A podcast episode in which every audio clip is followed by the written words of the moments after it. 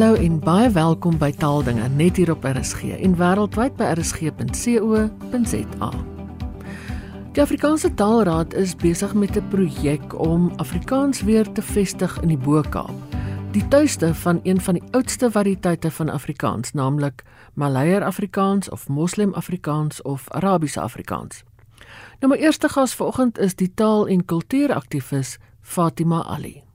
Hallo Ina en bye bye Tramakassie vir Radio Sonder Grense RSG vir hierdie lekker onderhoud. So ek is gebore in die Bo-Kaap in.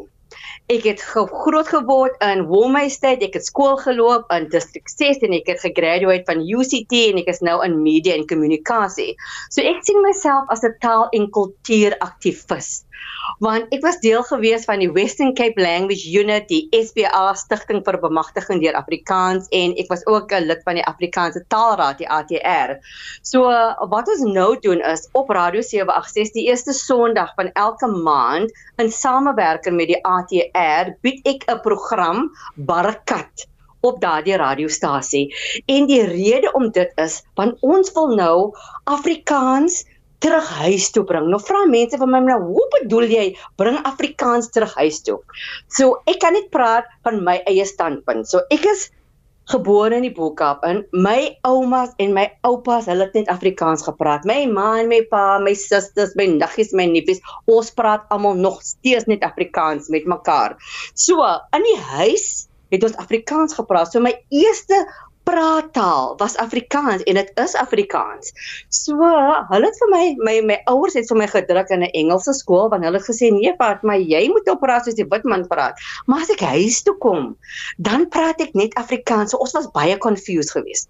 Maar nou in die huis dan praat ons nou van van uh, antie en onkels. Nou in die skool dan sê hulle nee, dit is 'n tannie en 'n oom.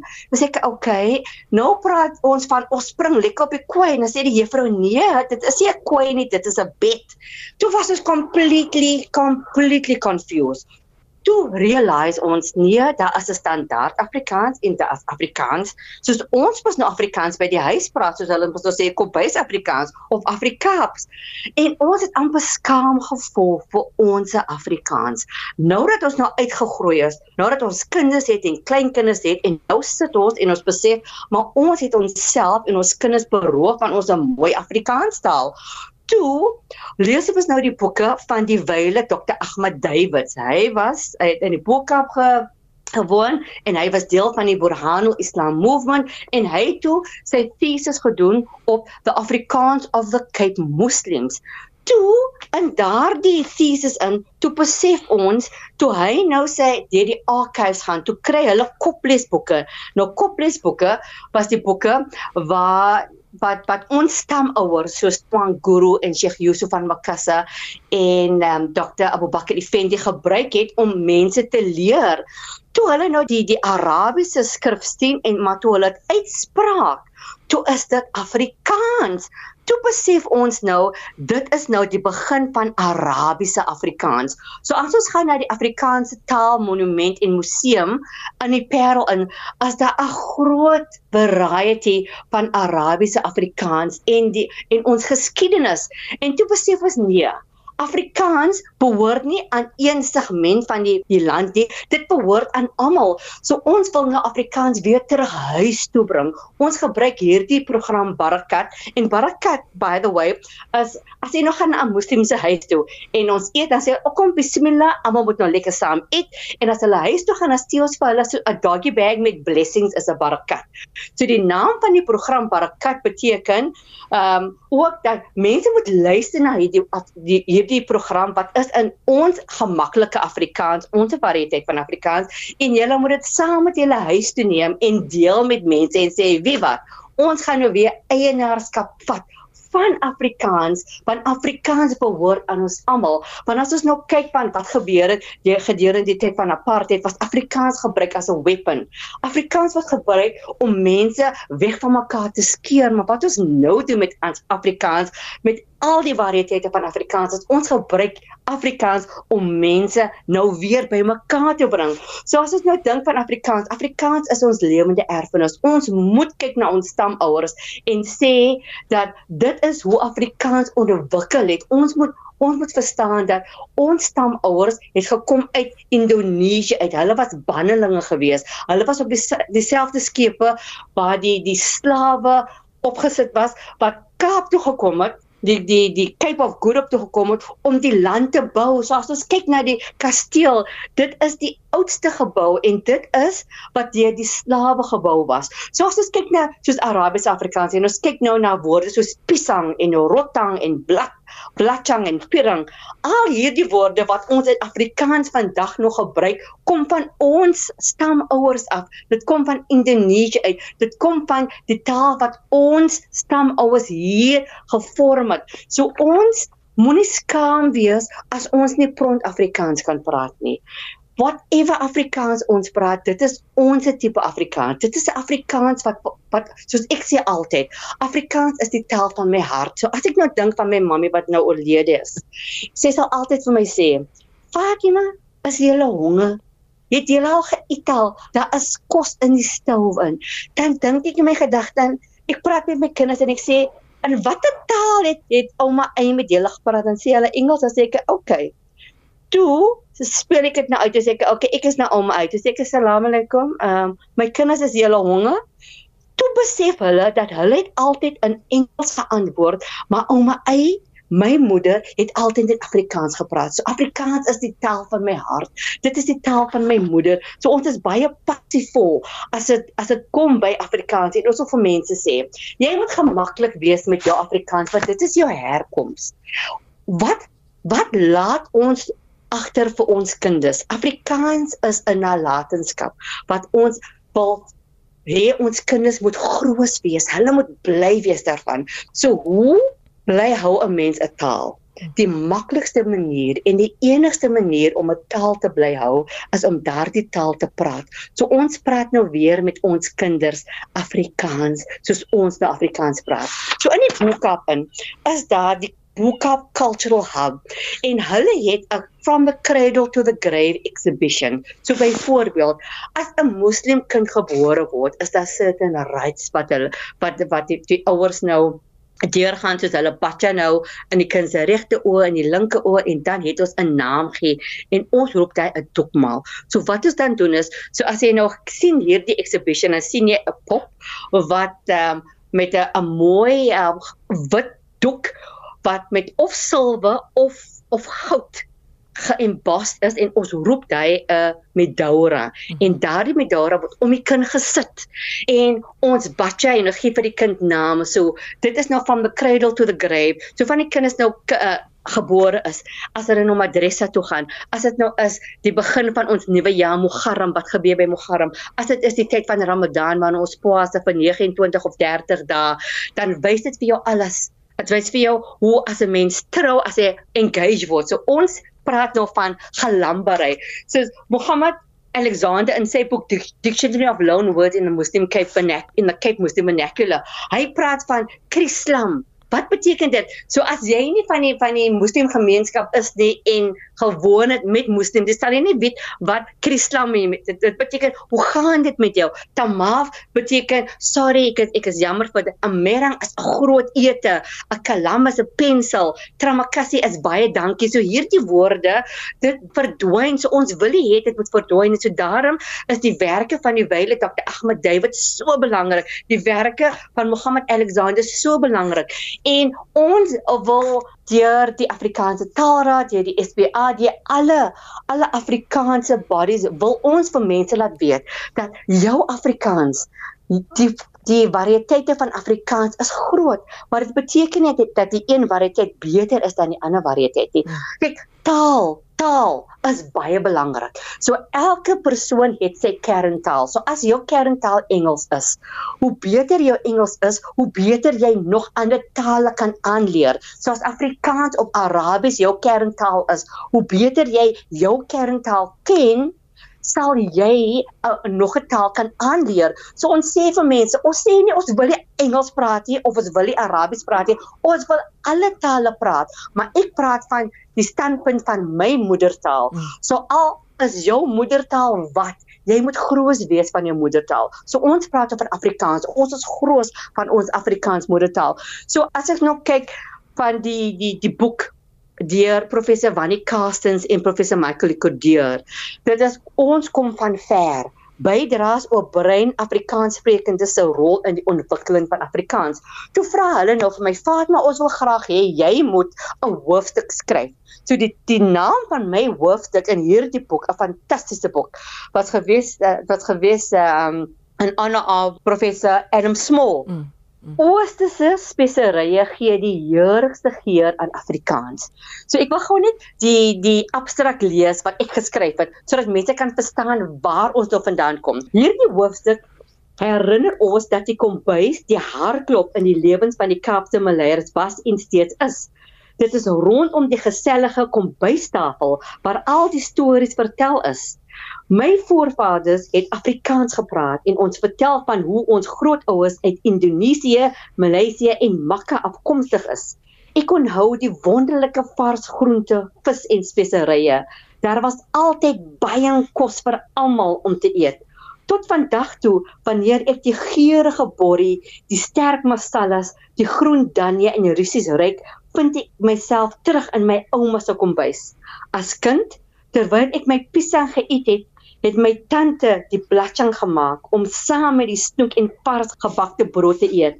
Dit was eers later in my lewe dat ek besef het die kultuur van die Kaapse Maleiers was uniek van geboorte tot gebedsaande, van verlovings tot troues en begrafnisse, is daar 'n spesifieke tradisionele kos wat gekoppel is aan elke geleentheid in ons kleurvolle lewens. So dit som op hoe ons Afrikaans gebruik in ons kos in, hoe ons Afrikaans gebruik as ons vir ons kinders wil uitskel, hoe ons Afrikaans gebruik sodat ons kan lag. So dat dat baie seggens in Afrikaans wat 'n mens nie kan sê in Engels in nie. Ja. Byvoorbeeld, ou jou kop hak uit. Hoe sê 'n mens dit nou in Engels in? Of al mense sê nou skop skiet en donne. Hoe sê 'n mens dit nou in Engels in? So Afrikaans is 'n taal wat so pragtig is. Dit is 'n taal wat 'n mens dit is so 'n expressvol So as 'n mens iets in Afrikaans en sê dan hoef 'n mens nie om dit te explain nie. Jy weet sommer exactly wat die persoon bedoel. So wat ons nou vir ons kinders sê en ons kleinkinders leer is, ja, Engels is julle kerntaal, maar ons wil hê julle moet eienaarskap vat van Afrikaans. Julle moet weet, Afrikaans, ons moet nou Afrikaans weer terug huis toe bring sodat mense kan weet waar hulle vandaan kom. Ons praat oor van ons kom vandaan, maar as ek nou vir julle moet vra wat wat is julle kom vandaan, wil ek hê julle moet sê ag ek weet nie. Dit was die taal- en kultuuraktivis Fatima Ali. Ek het ook met Mohammed Alexander gepraat oor sy navorsing oor Moslem Afrikaans en waarom dit so belangrik is. Ina, baie goeiemôre aan jou en jou luisteraars. Baie dankie vir die geleentheid om te kan praat oor die variant van Afrikaans, uh, die Kaapse manier Afrikaans. Natuurlik die variant variant van Afrikaans is deel van die Kaapse manier se uh, erfenis en, en dit is nou 'n variant van Afrikaans wat nou bedreig word. Nou dat so baie van die jong mense oorgeskakel het na Engels. En dis my eintlik my bekommer dat die laaste voltydse sprekers van die variant variant van Afrikaans is meestal oor 50 jaar oud En as hulle so uitsterf, is daar moontlikheid dat die variant van Afrikaans ook kan uitsterf. En dit is basies waar waarmee ons nou besig is om te verhoed dat dit gebeur. Vir my is dit so as 'n teerpunt by my want is dis ook dis die rede vir die boeke wat ek nog geskryf het nou. Hulle skakel oor eh, dit het nie net 'n impak op die taal is ook 'n impak op die kultuur. Mense begin hulself anders uitspreek. Hulle gebruik nie meer soos die mense oor jare hulle self uitgespreek het nie byvoorbeeld Tramakasi wat nou dankie beteken nou word thanks en woorde soos kanala wat nou please en Moses is tamaf word nou excuse me en so hulle skakel nou oor hulle verloor hulle eie taal hulle eie manier van uitspreek want wat maak Kapse Malay Afrikaans verskillend van van ander variante van Afrikaans is basies is is 'n hele ander taalkultuur wat gekoppel is aan die en baie mense baie min mense weet van die bestaan van die variant Afrikaans. En die rede hoekom so baie min mense weet van die bestaan van die variant Afrikaans is omdat die Kaapse Malays gebruik net die variant van Afrikaans as hulle met mekaar praat en sodra hulle nou draai en spreek en praat dan met 'n nie Kaapse Muslim vervang hulle al die leenwoorde in hulle variant van Afrikaans as ek net vinnig kan opsom wat maak die variant van Afrikaans dan verskillend van ander variante van Afrikaans? Ehm um, natuurlik is al die Malayse leenwoorde uh uh wat daar bestaan soos tamaak en alla tramakasi puasa bukala barang maningal kubus bacha pujes en soma baie ander. Dan is ook baie Arabiese leenwoorde byvoorbeeld soos khilaf wat moeilik beteken fitna wat skinne beteken gas het afgunste manafik is skyn heilig kiber wat beteken hoogmoed supran wat beteken nou dankie tramaka en afwan nie te danke janaza wat dan begrafnis beteken, nika wat trou beteken. So ek kan sien dis is 'n klomp vreemde leenwoorde, daar's Malayse leenwoorde, Arabiese leenwoorde.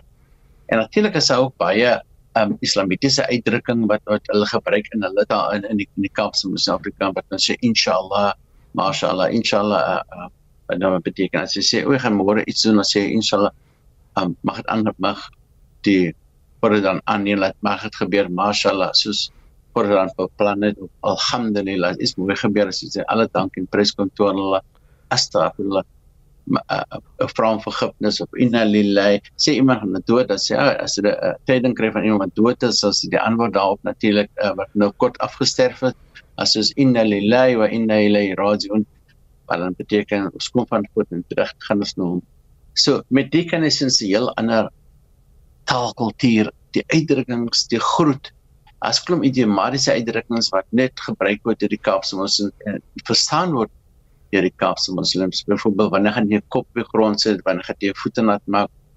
Ek moet nog gaan klaar maak sê hy uit ek moet nog my skuld inbetaal. Hy's al lank al op pad doen jy. Die Kaapse moslims weet presies wat almal die uh, uh, um uitdrukkinge beteken. Dit word net die hulle gebruik en net hulle verstaan en is, is en baie van die uitdrukkings is figuurlik gesproke. Ja. En natuurlik is daar baie familiename soos Umi, hy's nou familietitels wat familiename soos Umi, Bia, Ami, Khalat, hy's nou oom, tante, oom van die ma se kant, tante van die pa se kant, oom van die ma se kant, tante van die pa se kant.